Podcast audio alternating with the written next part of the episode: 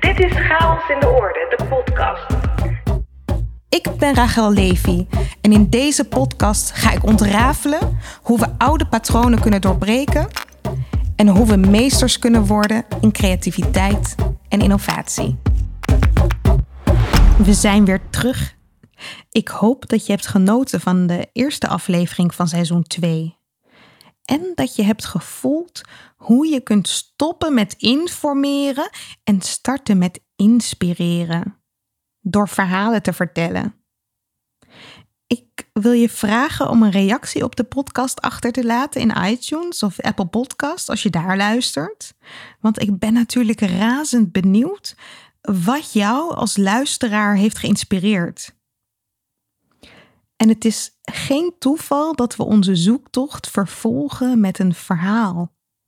Een heel bijzonder verhaal. Een verhaal van iemand die voor zichzelf ontdekte hoe hij zijn creativiteit bij uitstek kon inzetten om bij te dragen aan belangrijke organisatiedoelen.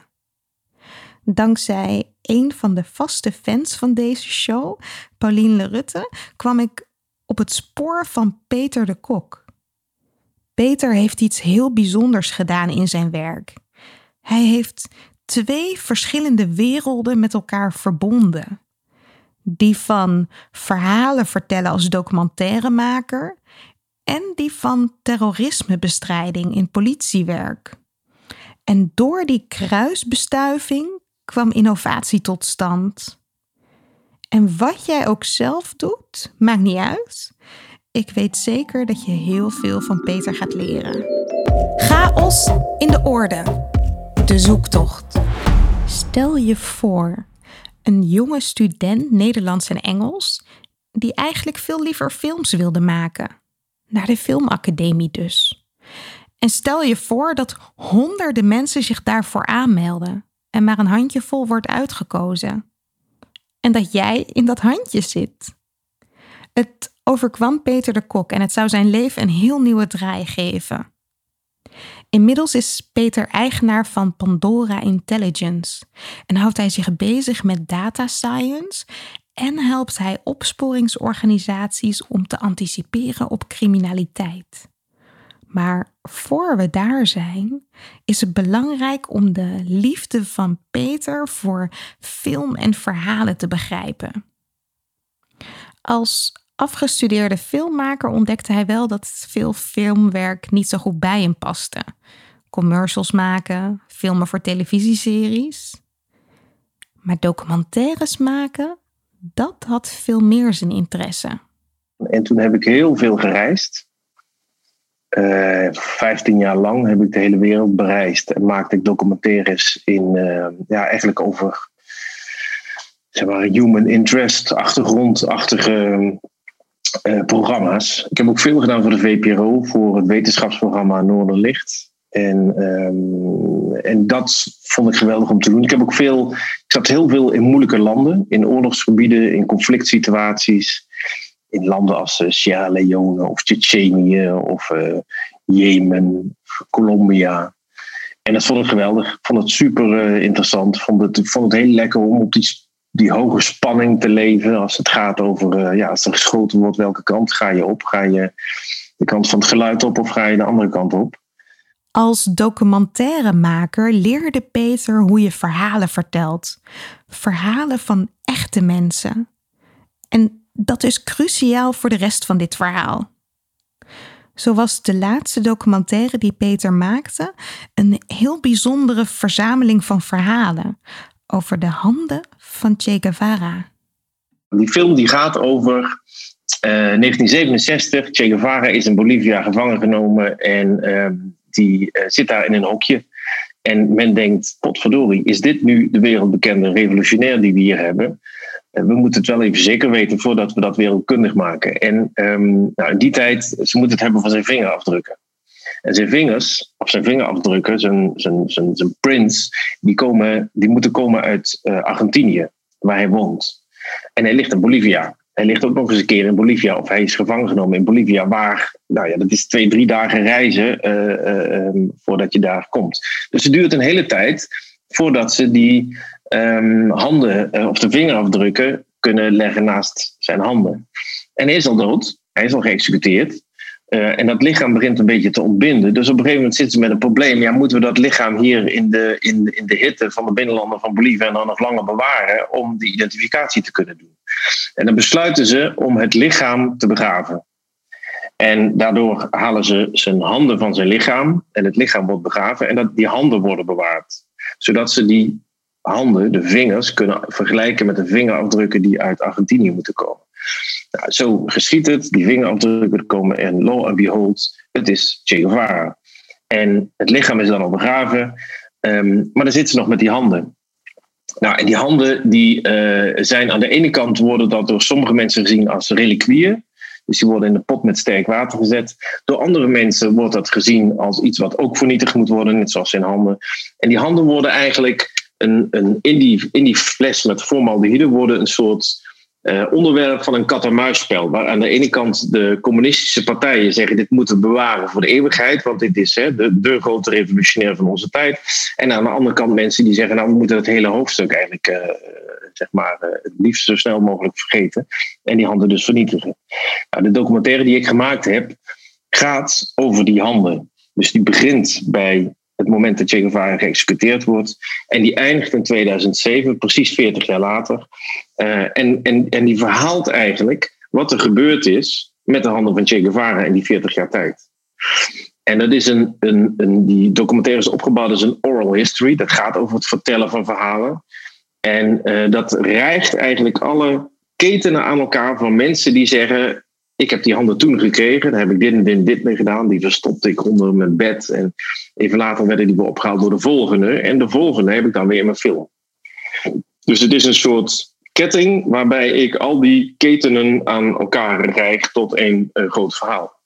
Maar wat daar interessant aan is, en dat is eigenlijk de essentie van het vertellen van een verhaal volgens mij, is dat als je op een willekeurig pleintje in, um, in Cuba, Bolivia uh, gaat staan en je roept Che Guevara, dan komen er, uit, uit, dan komen er ongetwijfeld twee, drie, vier mensen die zeggen: Oh, maar ik heb de handen, eh, of ik heb de, de, de tabak uit zijn pijp bewaard. Of ik heb nog haren van zijn, uh, van zijn hoofd. En dus dat oral history, het vertellen van verhalen, is voor heel veel mensen heel belangrijk. Er zijn veel meer mensen die, die, een, die voelen dat ze een link met uh, Che Guevara hebben gehad, of een link met de geschiedenis hebben gehad, dan dat dat daadwerkelijk ook hebben gehad. Nou, dat is eigenlijk het onderwerp van die documentaire. Dus dat, dat, gaat over het vertellen van een verhaal. En die documentaire die ontspoort op een gegeven moment ook. Die verhalen die beginnen in eerste instantie lopen die lekker langs elkaar en vullen ze elkaar aan. Maar er is een moment dat die verhalen elkaar beginnen uit te sluiten. En dat iemand zegt: nee, nee, ik heb de waarheid en niet hij. En dat die ander zegt: nee, nee, nee, nee, uh, maar dat is een leugenaar. Ik, nou, dat gaat over het vertellen van verhalen. Dan gaat het zelfs over het ontkennen van elkaars waarde in de geschiedenis. Van verhalen weet je alleen dat het perspectieven zijn. Mensen vervormen de geschiedenis. Je weet niet wat waar is en wat niet. En verhalen kunnen eigen levens gaan leiden. Dit is voor Peter de kern van zijn fascinatie voor verhalen. Maar er is nog een plek waar Peter op een andere manier naar de wereld is gaan kijken dan de meeste van ons. Toen ik in Amsterdam op de filmacademie zat, toen, uh, toen uh, woonde ik uh, gekraakt, anti-kraak. Um, en daar is mijn um, kennis gekomen van anarchistische manieren van met elkaar omgaan. In, het, in een van de kraakpanden waar ik veel uh, was. En daar hadden we een, een anarchistische manier van hoe we een relatie met elkaar hadden. Anarchisme betekent eigenlijk dat er niet, uh, geen conventionele regels zijn, maar het betekent niet dat er geen regels zijn. Binnen een anarchistische besluitvorming is plek voor iedereen aan tafel. En maakt het niet uit waar je vandaan komt, uh, wat je achtergrond is. Maar de regel die ik uh, in die omgeving heel belangrijk heb geacht is: je zit alleen aan tafel als je weet waar je het over hebt. Dus je hebt verantwoordelijkheid voor je eigen kennispositie. Je kunt niet aan tafel komen zitten als je niet weet waar je het over hebt. Iedereen mag meepraten, maar alleen als je bent voorbereid en weet waar je het over hebt. Hoe anders gaat dat in de gemiddelde vergadering in organisaties? In veel van de organisaties waar ik later terecht kwam, merkte ik dat die regel niet geldt. Je kunt best aan tafel komen zitten als je je stukken niet gelezen hebt. En dan lul je er een beetje overheen. En als mensen het merken, dan vinden ze dat eigenlijk ook niet eens zo erg. En daar uh, gaat iets mis, volgens mij. Dat is een conventie die we, die we met elkaar in veel bestaande organisaties hebben afgesproken, dat dat oké is. Inderdaad. Peter werd, nadat hij de handen van Che Guevara had gefilmd, vader. Hij werd er week van, kon niet meer goed tegen de ellende die hij zag op zijn reizen. En zijn werk verplaatste zich naar Nederland, waar hij zich weer richtte op het maken van series en commercials. En toen voelde hij weer waarom dat toch niet bij hem paste. Hij wilde iets meer betekenis. Lang verhaal kort, hij kwam als zij-instromer bij de politieorganisatie terecht. En je kunt je voorstellen dat dit een totaal andere wereld was. En dat Peter met zijn anarchistische ideeën een behoorlijk vreemde eend in de bijt was. En uh, wat ik in de politieorganisatie uh, herhaaldelijk heb geprobeerd, is om juist die anarchistische manier van denken, die anarchistische manier, de anarchistische verantwoordelijkheid te introduceren in die ja, min of meer hiërarchische omgeving van een politieorganisatie. En dat is alles behalve gewoon. De meeste mensen die fris in een organisatie komen, proberen zich juist zo snel mogelijk aan te passen. Zich de gewoontes en gebruiken eigen te maken, het jargon te leren spreken, zodat ze erbij horen. En Peter heeft juist altijd geprobeerd het tegenovergestelde te doen. Maar wat je ziet is dat die anarchistische manier, hè, dus je hebt verantwoordelijkheid voor je eigen input, um, dat die zich moeilijk verhoudt tot een uh, organisatie waarin hiërarchie uh, belangrijk wordt geacht. En hiërarchie is niet alleen een kwestie van uh, rang. Hiërarchie kan ook zijn op basis van anciëniteit. Hoe lang zit iemand waar? Of het kan ook zijn op basis eh, van wie heeft de hardste stem. Of het kan ook zijn op basis wie, uh, wie schreeuwt het hardst. Um, en dat zijn allemaal uh, aspecten die met hiërarchie te maken hebben, die zich eigenlijk heel slecht verhouden tot die anarchistische manier, waarin ook voor de zachte stem, ook voor iemand die wat timidener is, een plek is.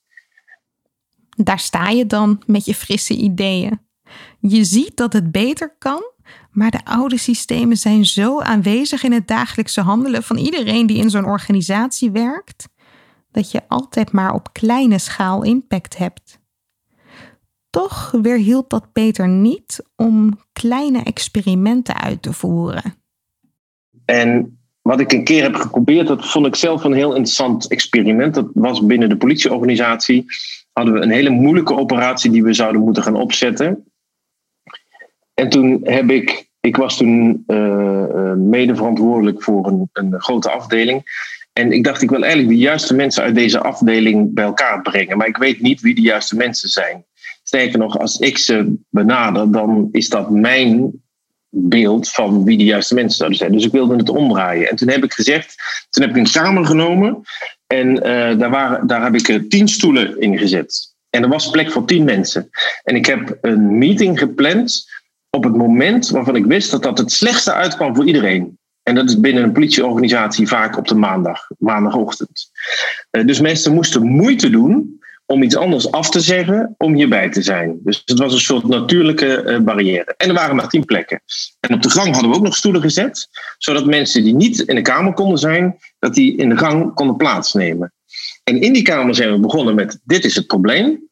We zijn ook niet begonnen met wat je in, in veel organisaties uh, doet. Dat je een voorstelrondje gaat doen. Hè, dat eerst iedereen zichzelf uh, probeert af te meten tegenover anderen. Dat is eigenlijk niet relevant en niet interessant. Als je elkaar leuk vindt, kun je dat na de meeting doen. Dus we zijn er ingedoken. En um, we, zijn, uh, we hebben het, het, probleem neergelegd. En als iemand zei, ja, ik heb hier eigenlijk... Ik, ja, ik denk niet dat ik hier een toegevoegde waarde heb. Dan ging hij gewoon weg. En dan kon iemand anders uit de gang kon weer plaatsnemen. En er werd ook niet gezegd, hè, waar we, die moest maar zelf maar uh, bij proberen te benen. En zo hebben we uiteindelijk een heel bijzonder groepje samengekregen. Niet geleid door wie is hier de baas en wie is de teamchef en wie is de teamleider. En wie is de, maar door wat, ik daar, wat we daarmee probeerden, is een intrinsieke motivatie leidend te laten zijn uh, uh, voor de vraag: wil je hier je tijd en energie in steken? Wat Peter deed was een klein experiment waarin hij zijn eigen waarden, zijn eigen persoonlijkheid meebracht. In een organisatie waar het heel makkelijk is je te verschuilen achter je uniform, je rang, het aantal strepen op je mouw. En toch merkte Peter dat het ook een heel nieuwsgierige organisatie is. Nieuwsgierig naar andere mensen met andere ideeën, mensen van buitenaf. En het was voor zij-instromers zeker niet makkelijk om hun plek te vinden, maar er was wel nieuwsgierigheid. En Peter ontdekte dat hij juist door zichzelf te blijven en de nieuwsgierigheid van de organisatie te prikkelen, best wel wat ruimte kreeg om zijn creativiteit toe te voegen. Ik ben in die politieorganisatie uh, gerold en ik had natuurlijk het voordeel dat ik een, een achtergrond had die voor veel politiemensen aanspreekt. Want als je vertelt dat je uh, vast hebt gezeten uh, in een cachot in Mali, dan zijn politiemensen denken, dat is interessant. Dat hebben ze niet zo heel veel binnen de politieorganisatie. Um, dus ik kreeg daardoor wel wat makkelijke ruimte. En ik denk ook dat de, wat ik meebracht in aan, aan anders denken of creativiteit, juist op een gegeven moment, uh, wel door mijn leidinggevende destijds is uh, herkend van dat is interessant. Wil jij niet eens op een andere manier nadenken over het probleem van persoonsbeveiliging of over het probleem van, nou ja, noem maar op. Toch was Peter voor sommige mensen in de organisatie een iets te frisse wind. Zo nam lang niet iedereen hem serieus toen hij een team van inspecteurs aanstuurde met zijn ene streepje. En ik werd teamleider, dus zonder dat ik enige kennis had van zaken van, de, van hoe de politieorganisatie geheel te zijn. En ik had destijds een, een leidinggevende eh, waar ik eh, eh, later heel goed mee om kon. Maar die eh, maakte zich een beetje zorgen over het team wat ik leidde. En die heeft een mailtje gestuurd naar iemand. En, die, uh, en in het mailtje stond: een van de zorgen van het, uh, het, team, wat ik dan leidde, is het gebrek aan politiebureaucratisch gevoel van Peter. En toen dacht ik: potverdorie, dat is ook wat. En ik had hem wel hoog zitten, die leidinggevende. Dus ik baalde ervan dat hij zo over mij dacht. En hij had het mailtje niet aan mij gestuurd, maar mij per ongeluk in CC uh, meegenomen. Dus ik had het mailtje wel gekregen, maar dat was niet aan mij gericht. Het was namelijk weer aan zijn leidinggevende gericht. Dus het was wel echt een issue. En ik heb lang nagedacht over wat ik daarmee moest doen. En um, ik heb uh, besloten om die zin uit te printen op A3, want dat was het grootste wat we konden printen. Uh, en boven mijn bureautje te hangen. Dus daar stond de zin dat het grootste probleem van team Zus me zo was het gebrek aan politiebureaucratisch gevoel van Peter. En alle mensen die bij mij kwamen, dus mensen die in dat team zaten, maar ook mensen die, die van buiten het team en uiteindelijk ook die leidinggevende, die kwamen binnen en die zag dat, dat staan. En dat, was een, dat werd een, een nou, discussiepunt, wil ik niet zeggen, maar mensen reageerden daarop. Mensen die zeiden, ja, dat snap ik eigenlijk wel. Want jij hebt, ja, jij hebt ook helemaal geen politiebureaucratisch gevoel en het zit jou in de weg. Andere mensen zeiden, ja, maar dat is eigenlijk nou net de kracht van het team waarmee we bezig zijn. Dat we niet dat politie-bureaucratisch gevoel hebben. Dus dat werd, een, ja, dat werd van, van verschillende kanten belicht, waardoor ik mezelf kon verhouden en op een gegeven moment ook begon te snappen waarom dat mijn leidinggevende destijds dat over mij had gezegd. Op een gegeven moment kwam ook die leidinggevende, die dat mailtje gestuurd had, kwam binnen. En die, ja, die schrok natuurlijk een beetje. Die had zich niet gerealiseerd dat ik dat mailtje had gekregen. En um, en, dat, en, en daar hebben we het over gehad. En ik kon toen tegen hem zeggen: Ik snap eigenlijk wel wat jij bedoelt. Ik was daar in eerste instantie gepikeerd over. Maar ik heb nu van verschillende mensen een reactie op gekregen. En ik snap het eigenlijk wel. Dus ik ga wel zorgen dat ik daar uh, in de toekomst beter, uh, dat ik mijn politiebureaucratisch gevoel ontwikkel. Maar ik wil het ook niet zo ver ontwikkelen dat ik ehm, hetzelfde politiebureaucratisch gevoel heb als iedereen om me heen. Door met humor om te gaan met kritiek en het juist uit te vergroten, ontstonden de goede gesprekken over organisatiecultuur.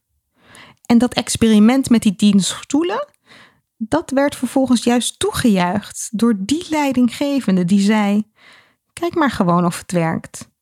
Zo ontstond er ruimte. En in die ruimte zag Peter ook steeds meer mogelijkheden om wat hij had geleerd in de filmindustrie toe te passen in de politieorganisatie. Ten eerste, wat je als filmmaker doet, is eigenlijk wat een, laat ik zeggen, wat je als regisseur doet, is eigenlijk wat een rechercheur ook doet. Je zoekt naar, namelijk naar het verhaal. Je doet aan waarheidsvinding.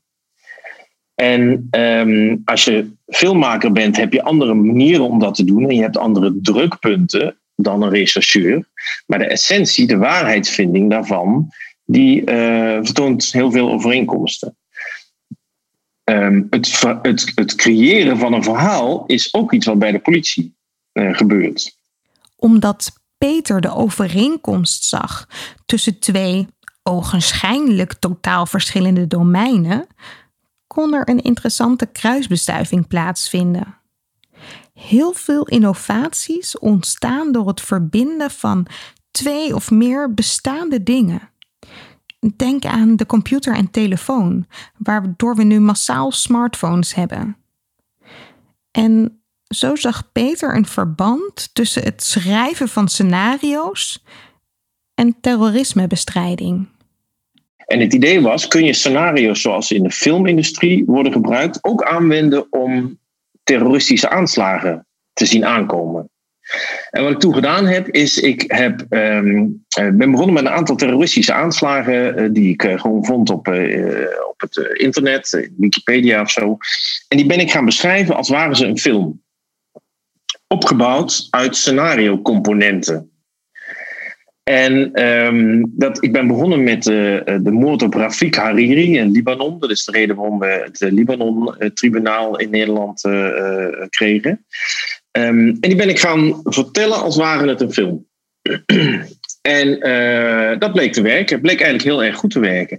En ik heb dat niet alleen gedaan met de, die ene terroristische aanslag, maar ik ben dat met steeds met terroristische aanslagen uh, gaan doen. En omdat ik elke terroristische aanslag destijds handmatig opdeelde in scenario-componenten, kon ik op een gegeven moment een structuur zien in allemaal terroristische aanslagen. En ik kon zelfs een mengeling maken van de modus operandi uit die terroristische aanslag, gecombineerd met de arena uit een andere terroristische aanslag en met een wapen uit een derde terroristische aanslag. En zo kon ik eigenlijk nieuwe terroristische aanslagen gaan uh, maken. Omdat we nooit een volledig objectieve weergave zullen hebben van het ontstaan en de aanpak van een terroristische aanslag, omdat ons geheugen slecht is, omdat verhalen de neiging hebben zich te vervormen, werkte Peter aan het best mogelijke alternatief. Een databank met scenario's die zich hadden voorgedaan, opgeknipt in allemaal losse blokjes die ook weer met elkaar te combineren waren. Dus op basis van data uit het verleden werden ook nieuwe scenario's opgesteld. En dat bleek van enorme waarde. In ieder geval groeide de nieuwsgierigheid naar de creatieve invalshoek van Peter. Het werd opgemerkt. Peter werd zelfs gevraagd erin te promoveren. Kun je op basis van data uit het verleden, kun je crimineel gedrag op dit moment duiden en of crimineel gedrag in de toekomst voorspellen. Wat de aanpak van Peter bijzonder maakt, is dat hij niet alleen keek naar beschikbare data uit het verleden om gedrag in het heden te kunnen plaatsen, maar hij werd ook uitgedaagd om creativiteit in zijn model te stoppen. Want zoals we vorig seizoen leerden van Tessa Kramer, Lector Designing the Future, is een toekomst nooit te voorspellen op basis van een rechte lijn die je zomaar doortrekt vanuit het verleden. De toekomst kenmerkt zich juist doordat heel veel zaken onvoorspelbaar zijn. En daar heb ik over nagedacht. En toen bedacht ik me eigenlijk dat het hele systeem wat ik uh, verzonnen had, namelijk scenario's bouwen zoals die in de filmindustrie worden gebouwd, ja, dat heeft alles te maken met creativiteit. Dus ik ben naast de scenario's die ik bouwde over historische terroristische incidenten, een scenario database gaan bouwen over incidenten die nog nooit gebeurd zijn. Maar die wel zijn beschreven in boeken of in films of in theaterstukken of liedjes, dat maakt eigenlijk allemaal niet uit. Ik ben begonnen met een creatieve database. Uh, waarin ik bijvoorbeeld verzameld werk van Frederick Forsyth, de, de, de, de, Engelse uh, schrijver, die um, heeft uh, boeken geschreven over terroristische incidenten. Die ben ik gaan tekst en data minen. En op basis van die tekst en data mining probeerde ik daar automatisch um, verhalen van te maken, die in dezelfde structuur werden bewaard als de terroristische incidenten die ik eerder had gedaan, de historische terroristische incidenten. En dat lukte. En toen ben ik met Homeland ben ik, uh, begonnen, hè, dus de Netflix-series. En ik heb een aantal uh, andere boeken en zelfs gedichten heb ik proberen te, om te zetten naar die structuur. En het resultaat daarvan was dat ik een database had met allemaal historische terroristische incidenten. En ik had een database met allemaal terroristische incidenten die nooit gebeurd zijn, maar wel zijn bedacht. En omdat die structuur hetzelfde was, kon ik die op elkaar loslaten als ik dat wilde. En kon ik daar dus nieuwe toekomstincidenten van maken, die nog nooit gebeurd waren, maar wel al in films waren opgenomen. Of een combinatie waren van die creatieve data en de historische data. En dat was een hele interessante uh, ontwikkeling. Ook omdat ik daardoor ontdekte dat het veel meer dan dat ik oorspronkelijk dacht, het het geval was dat terroristen een terroristische aanslag plegen als ze een bepaalde film hebben gezien. dus het copycat gedrag vanuit films of uit boeken was veel groter dan dat ik in ieder geval gedacht had. Om een voorbeeld te geven, uh, de Unabomber, toen hij werd gearresteerd, had hij een novelle achter in, zijn, in de kofferbak van zijn auto liggen, uh, waarop hij zijn, uh, zijn daad gebaseerd had. Hè, dat ging over het creëren van explosieven. Dus het was eerst, in een, eerst beschreven en was, was niet gebeurd. en, en, en de Unabomber had daar vervolgens zijn modus operandi op aangepast. Een ander voorbeeld was dat wij, uh, toen ik daarmee bezig was, vlak daarna kregen we een overval op het Brinks uh, geldtransport. En dat was eigenlijk een kopie, kopie van de film Heat. Met Val Kilmer en Robert De Niro in de eindjaren, nou ja, eind vorige eeuw denk ik. Maar die, was, die leek zoveel op elkaar dat het bijna, nou, bijna uit te sluiten was dat die mensen die de die, uh, die, die uh, overval hebben voorbereid, niet die film hebben gezien. Zo bleek dat creativiteit en fantasie kan overvloeien in de werkelijkheid.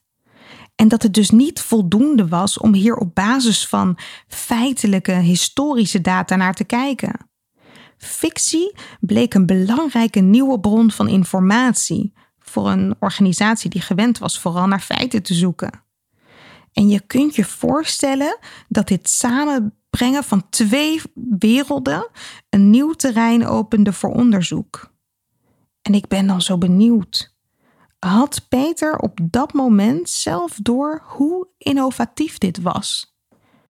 Ja, ik had wel door dat het iets innovatiefs was. Ik had wel door, ik, ja, ik, ik keek om me heen, zijn er bedrijven die bezig zijn met vergelijkbare situaties. En uh, nee, dat is, dat is niet zo. Zeker nog, hier is Pandora Intelligence op gebaseerd, hè, het bedrijf wat ik nu heb.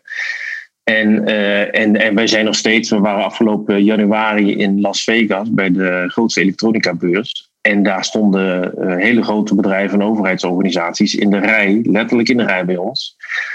Uh, omdat, ze, uh, ja, omdat het zo vernieuwend is wat we doen, omdat we juist die creativiteit erin brengen. Creativiteit wordt steeds meer omarmd als sleutel voor vernieuwing. Een vaardigheid die onmisbaar is in organisaties die in deze 21ste eeuw willen floreren. En toch blijft er die misvatting over bestaan. Creativiteit wordt door mensen die niet creatief zijn gezien als heel intimiderend. En daar wordt ook vaak met een bepaalde intonatie over gesproken. Ja, creativiteit. Dat, heeft, dat is iets dat moet je hebben. Dat is bijna een goddelijke gave. Maar creativiteit is niet zo spannend. We doen alleen zo vaak dingen die het om zeep helpen. Zoals studenten en medewerkers dwingen om hun doelen altijd maar smart te formuleren. Specifiek, meetbaar, acceptabel, realistisch en tijdgebonden. Maar creativiteit en smart verhoudt zich heel slecht tot elkaar. Als je in een omgeving werkt waar je dit soort plannetjes moet maken, heeft Peter een goede opdracht voor je om daar los van te komen. Ga naar internet en neem de eerste foto die je ziet. En uh, dan ga je naar een andere pagina en dan neem je het derde woord wat je ziet. En van die foto en dat woord ga je een filmposter maken. Dus je hebt een willekeurig woord en je hebt een willekeurige foto en je gaat van die twee ga je een filmposter maken. Dat is creativiteit. Dat is precies wat Peter steeds doet. Kijken hoe hij twee dingen die ogenschijnlijk weinig met elkaar te maken hebben, kan verbinden om tot iets nieuws te komen. Mensen die deze oefening doen, ontdekken weer hoe creatief ze eigenlijk zijn. En natuurlijk komen er ook twijfels. Ja, eh, wat ik er wel moeilijk aan vond, is dat ik eigenlijk niet het derde woord had willen nemen wat ik vond, maar het vierde woord had, uh, had willen nemen wat ik vond. En zeg ik, nou, dit is nou zo simpel, is creativiteit. Je bent dus bezig, je hebt de context van een filmposter. Uh, en je denkt, hè, dat woord is eigenlijk niet. Ik moet eigenlijk een ander woord hebben. Dat, dan ben je bezig met vorm en inhoud bij elkaar te brengen. En creativiteit is niet meer dan dat. Soms is het moeilijk om erin te stappen, maar dan neem je willekeurig iets. En dan denk je, nou, dit is het toch niet helemaal. En dan neem je een ander willekeurig iets. En dan denk je, dit is het ook niet helemaal. En langzaam trechter je jezelf naar iets waarvan je denkt, oh, dit is het eigenlijk helemaal. Dit is waar ik nou op zoek ben. Dat is creativiteit. Creativiteit is niets anders dan vorm en inhoud samenbrengen. Iets wat we in organisaties heel lastig vinden. We mogen vaak pas praten over de vorm als de inhoud helemaal is uitgekoud en vastgesteld. Terwijl het ook anders kan. Ja, je kunt ook uh, de inhoud benaderen vanuit de vorm. En dat is een, een hele andere benadering, maar die is vrij simpel te doen. En uh, als je dat doet, dan zie je dat, dat, dat je de inhoud eigenlijk ook al aan het schaven bent. Dat je de inhoud, dat je vragen aan het stellen bent bij de inhoud. En, en dat proces is volgens mij constant wat je moet doen. Als je een film maakt, als je een boek schrijft, als je een bedrijf leidt, als je terrorisme bestrijdt. Vorm en, in, inhoud zijn eigenlijk onlosmakelijk met elkaar verbonden. Hoe groter de organisatie waar je in werkt, hoe minder ruimte je waarschijnlijk ervaart om de dingen net even anders te doen dan anders. Er is altijd wel iemand te vinden die er iets van moet vinden. Er is altijd wel een focuspunt dat belangrijker wordt gevonden dan een beetje experimenteren. Peter noemt die overfocus op voorspelbare resultaten en het aansturen op een vooraf bepaalde strategie veel te eenzijdig. Daarom doopte hij zichzelf bij Pandora Intelligence Chief Imaginary Officer. Want Iedereen kan wel manager willen zijn. Maar je hebt iemand nodig die niet de focus houdt. Ik merk dat alle investeerders die in ons bedrijf zitten, die vinden focus heel erg belangrijk. Ik vind focus helemaal niet belangrijk. Ik vind focus de dood in de pot voor een bedrijf.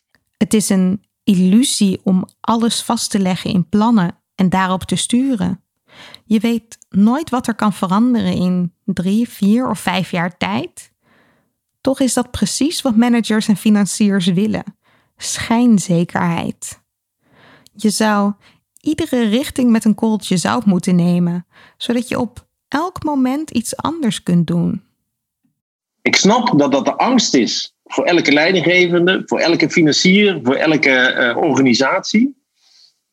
Maar als je dat kunt inbakken in het proces, dan denk ik dat je een hele sterke, toekomstgerichte organisatie aan het bouwen bent. En dus probeert Peter alles wat hij doet zo organisch mogelijk aan te pakken, te ontwikkelen on the go. En dat zorgt natuurlijk voor het nodige spanningsveld tussen chaos en orde.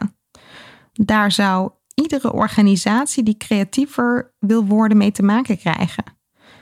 Inmiddels vindt Peter daar aardig zijn weg in. Bijvoorbeeld in een nieuw project waarin de vraag werd gesteld of er in het oplossen van een cold case niet wat creatiever kon worden gewerkt. Of er niet wat meer kennis en perspectieven betrokken konden worden. En dit project heet Bureau Dupin. En samen met de politie en het Openbaar Ministerie hebben we een moord gekozen. Uh, en dit is de moord op Marja Nijholt uit 2013. Um, ehm, en we hebben gezegd, kunnen we nou die moord niet beter oplossen na zeven jaar, uh, door daar de kennis van anderen in te gaan uh, brengen? Nou, ik heb dat opgepakt met de universiteit en we zijn begonnen. Um, een van de dingen die we hebben gedaan is um, Laat ik zeggen, we, hebben, eh, we zijn begonnen met een, uh, in de media te stappen. De politie had een persbericht de deur uit gedaan en we zaten in het 8 uur journaal. Nou, dat hebben we geweten, want het 8 uur journaal wordt heel goed bekeken. En heel veel mensen die hebben zich aangemeld bij Bureau Dupin. En we hebben een website hadden we, gebouwd. En um, ik kreeg in de eerste dag, ik denk 300, 400 mails van mensen die zeiden: Ik wil graag meewerken.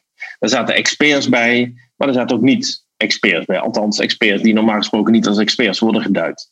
Ehm, en we dachten, god, wat moeten we hier nou mee? Hoe moeten nou al die mensen gaan terug-e-mailen van u wel en u niet? Dan zijn we eigenlijk al bezig met het structureren. Die chaos is veel te leuk. Dus wat hebben we toen bedacht? We hebben de website hebben we gebouwd en we hebben daar, we zijn, uh, we hebben daar een, een systeemje aangehangen. Dit heet Murals, waarin mensen uh, post-its online kunnen plaatsen met hun ideeën. En Ehm, wat we hebben gedaan is, we hebben die mails die we kregen, hebben eigenlijk doorgeleid naar die mural. Dus mensen gingen niet meer naar ons mailen, maar die zetten hun vragen op die murals. Um, na het NOS-journaal kwam, nou, we zijn heel veel in de media geweest, dus ehm, we zijn op maandag zijn we begonnen met acht man. En op vrijdag waren we met 800 mensen die zich hadden aangemeld. En er zitten nu geloof ik iets van 14 of 1500 mensen die zich hebben aangemeld. Van het overgrootste deel overigens alleen maar op de hoogte gehouden wil blijven. Maar nu zijn er op die murals ongeveer 300, 350 mensen actief. En wat gebeurt er? Wat zie je op die murals? Dat begint als een lege pagina en er komen wat post-its op. Los van elkaar op verschillende plekken. En daar ontstaat een geweldige chaos. Van post-its die niks met elkaar te maken hebben. Uh, mensen die uh, iets heel anders beschrijven. Mensen die zichzelf voorstellen. Mensen die scenario's hebben. Dus dat zagen we exploderen in een beautiful chaos. En toen dacht ik, ja, en nu? Hoe, gaan we, hoe moeten we dit nu? Hoe moeten we hier de lijn in aanbrengen? En wat daar zo mooi aan is, niemand in dat hele bureau du Père krijgt betaald. Dus mensen doen het, hè, als we het hebben over intrinsieke motivatie. Mensen doen het vanuit een intrinsieke motivatie. Uit die groep mensen die actief waren op die murals, begonnen mensen een rol op te pakken. En die zeiden: Oh, wacht, als we die post-its bij elkaar plakken, dan hebben we hier een clustering van onderwerpen. En dan doen we daar met een ander onderwerp, en doen we daar met een ander onderwerp. En langzaam ontstond orde in die chaos. En dat is fascinerend om te zien, want dat gebeurt ongeregisseerd. Er is niemand die zegt: dit moeten we doen. Of jullie moeten je hieraan. Eh, dit, zijn de, de, dit is de, het onderwerp. Of dit is. Uh, dat ontstaat langzaam. En terwijl er orde ontstaat. Hebben nieuwe mensen die een, een, een, bijdrage willen leveren, die denken: Oh, dat kan ik beter bij dit clustertje neerzetten, of beter bij dat clustertje neerzetten. Inmiddels is in, uh, nou, we zijn een aantal weken zijn we verder, is daar, zijn daar heel veel murals uh, ontstaan Waar bijvoorbeeld één gaat over de scenario's die uh, mogelijkerwijs geleid kunnen hebben tot de moord. De andere is een tijdslijn. De andere is een, een, een, een, een mural met alleen maar vragen over uh, wat kunnen we hier nu aan doen en hoe kunnen we het nou het beste oplossen. Er gaat er één over het proces. Hoe kunnen we ons proces van het oplossen van deze moord zo goed mogelijk coördineren? Dus het is fascinerend om te zien. En wat ik daaruit leer, is die chaos waar ik bang voor ben, hè, waar ik in eerste instantie bang voor was, ik dacht, oh, ik heb iets op de hals gehaald, ik, ik moet hier iets mee. Die chaos heeft ook een hele mooie, fascinerende en zich ontwikkelende kant. En als je het aandurft, en dat is niet ik heb dat niet gedurfd, maar het overkwam me en ik kon niet snel genoeg reageren. En voordat ik zelf een oplossing had verzonnen, begon er al iets te ontstaan. Dus wat ik persoonlijk hieruit leer, is dat die, de chaos een enorme waarde heeft. Laat chaos gewoon zijn voor wat het is. Waardeer het. Ook als het pijn doet en ongemakkelijk is. Want chaos is niets anders dan beweging. En die beweging krijgt vanzelf weer een vorm. Er komt vanzelf weer orde in. Organisaties mogen dit ongemak best wat vaker opzoeken. Vertrouwen op de creativiteit en vindingrijkheid van hun medewerkers. En ja, dat betekent soms het loslaten van de huidige manier. Maar als je durft om het dus helemaal anders te doen, kan het wel eens heel waardevol zijn. Peter heeft ervaren dat het zelfs je leven kan redden als je een compleet nieuw perspectief introduceert. Ik heb een film gemaakt in Sierra Leone. En dat was Sierra Leone toen het heel slecht ging in Sierra Leone. Dus het was een tijd dat daar echt nog uh, uh, nou, vreselijke dingen gebeurden. En uh, wij waren uh, gelegerd in Freetown en wij gingen buiten Freetown gingen filmen. Uh, in de binnenlanden, 100, 150 kilometer buiten Freetown.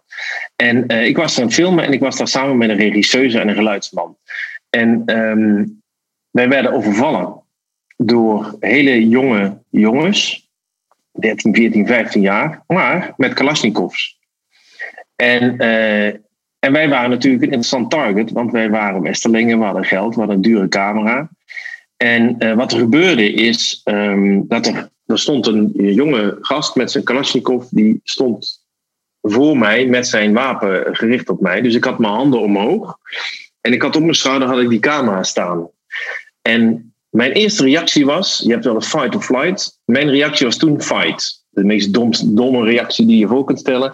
Maar ik dacht, als ik deze, dat wapen nu vastpak en ik greep die een nou, onzinnige gedachte. Zo onzinnig dat ik niet, ik, ik was me niet eens bewust van mijn omgeving meer op dat moment. Uh, en op een gegeven moment sloeg iemand die achter me stond, ook een jonge jongen die ik helemaal niet gezien had, die, en die sloeg mij en die raakte me met kolf van zijn wapen onder mijn arm die ik omhoog had, omdat we de arm omhoog moesten. Nou, en ik had niks meer te maken. Ik klapte op de grond, de camera kletterde op de grond en ik moest ik moest mijn. Dat ken je, dat je, dat je geen adem meer hebt. Ik moest. Weet je, alle adem, alle lucht was er echt uitgeslagen. En ik herinner me nu nog steeds. Ik lag op de grond en ik dacht. Ik, ik kan, dit kan twee kanten op gaan. Meestal is het zo dat als de eerste klap gevallen is, dan is het hek van de dam. En dat, dat, dan, ga, dan ga je een kant op die, die uh, richting meer geweld is.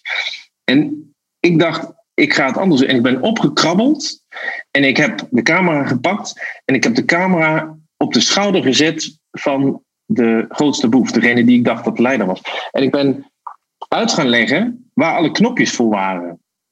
En wat toen gebeurde was heel interessant, want die uh, jongen, die werd van een grote boef, werd die geïnteresseerde leerling. Want als ze dan toch die camera meenamen, ja, dan was het wel handig als ze wisten hoe dat een beetje werkte. En zijn, zijn medeboeven, zou ik maar zeggen, allemaal jonge jongens, die vonden dat ook wel grappig. Want die, ja, ze kenden hem wel met een AK-47 aan zijn schouder, maar niet met een Ikegami op zijn schouder. En dus, die, die, dat, dus de sfeer veranderde.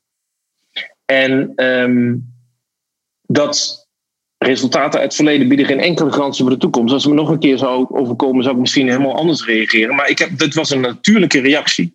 En wat ik geleerd heb uh, van die reactie, want het, dit was een indrukwekkend moment in mijn leven, omdat het ook allemaal anders had kunnen gaan, is dat er altijd een moment is om een perspectiefverandering teweeg te brengen. Je kunt altijd het compleet anders doen. En dat is denk ik de les die ik, die ik daar geleerd heb, die ik, die ik vervolgens nog een aantal keren in veel minder stressvolle situaties heb kunnen, toe, uh, of kunnen, kunnen, kunnen toepassen. Maar dat is iets waarvan ik die les zou ik graag over willen brengen aan anderen. Er is altijd een mogelijkheid om het perspectief te veranderen. Chaos in de orde. De zoektocht. Het wordt vaak gezegd. Creativity is connecting things. Een nieuw idee ontstaat uit het verbinden van bestaande ideeën, van bestaande technologieën. Je bouwt ergens op voort. Als je maar ziet dat het een niet zo heel anders is dan het ander, als je ziet hoe je ze samen kunt brengen. En dat vind ik zo bijzonder aan Peters verhaal. Hij maakte de overstap van verhalenverteller naar criminaliteitsbestrijder.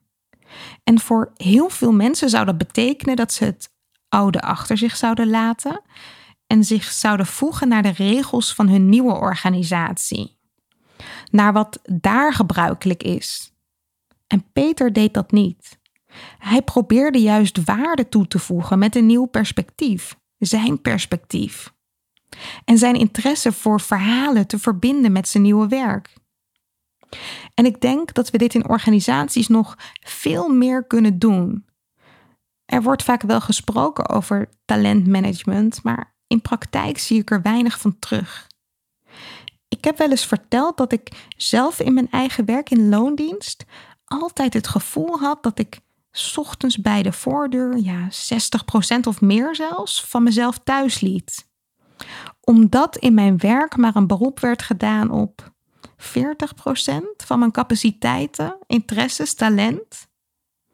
En ik geloof dat iedereen waardevolle kennis en interesses heeft, die op het eerste oog misschien niks te maken hebben met de taken waarvoor je werd aangenomen, maar die mogelijk wel heel interessant zijn.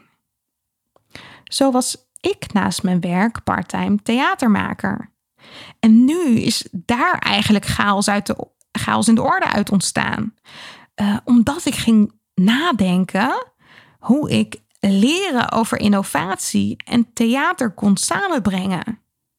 Dus nu is er een verhalende podcast en is er een jaarlijks festival waarin we heel duidelijk gebruik maken van mijn lessen als theatermaker. En wie weet heb jij ook iets interessants in te brengen in je werk, waarvan je nu denkt dat het niet echt een relatie heeft. En je kunt daarachter komen door een mindmap te maken met je werkrol in het midden en je persoonlijke interesses daaromheen. En vervolgens ga je allerlei kenmerken van die interesses opschrijven en kijk je of er een kruisbestuiving mogelijk is met je werk. Misschien heb je in je sportvereniging wel heel veel ervaring met het creëren van een verenigingsgevoel, terwijl je in je werk bijvoorbeeld de team spirit mist. Of um, maak je voor je theatervereniging heel veel gebruik van je persoonlijke netwerk om dingen voor elkaar te krijgen? En zou je dat voor je werk ook kunnen doen? Um, of misschien dat het perspectief van je kinderen kan helpen bij jouw vraagstuk. En kun je misschien een waardevolle uitwisseling doen met de school van je kinderen. Begin klein. En als je voelt, hier heb ik iets beet, Kijk dan hoe je de connectie die je hebt gemaakt kan uitdiepen. Creativiteit, innovatie. Het lijkt omgeven door een mysterieuze mist. Een geheim voor briljante breinen en getalenteerde kunstenaars. En toch, het moet toch voor iedereen toegankelijk zijn? Aflevering voor aflevering graaf ik steeds een stukje dieper. Ben jij enthousiast? Abonneer je dan op deze podcast en laat een review achter in de app waarmee je luistert. Hoe meer reviews we ontvangen, hoe meer mensen deze podcast kunnen vinden. Zo zorgen we samen voor meer chaos in de orde. Wil jij zelf chaos in de orde brengen? Download dan gratis het e-book Chaos. 10 manieren om patronen te doorbreken. Je vindt het op chaosindeorde.nl/slash podcast. Deze podcast wordt je aangeboden door Huis van Verbeelding, het bedrijf voor zakelijke creativiteit. Tot de volgende keer en veel chaos!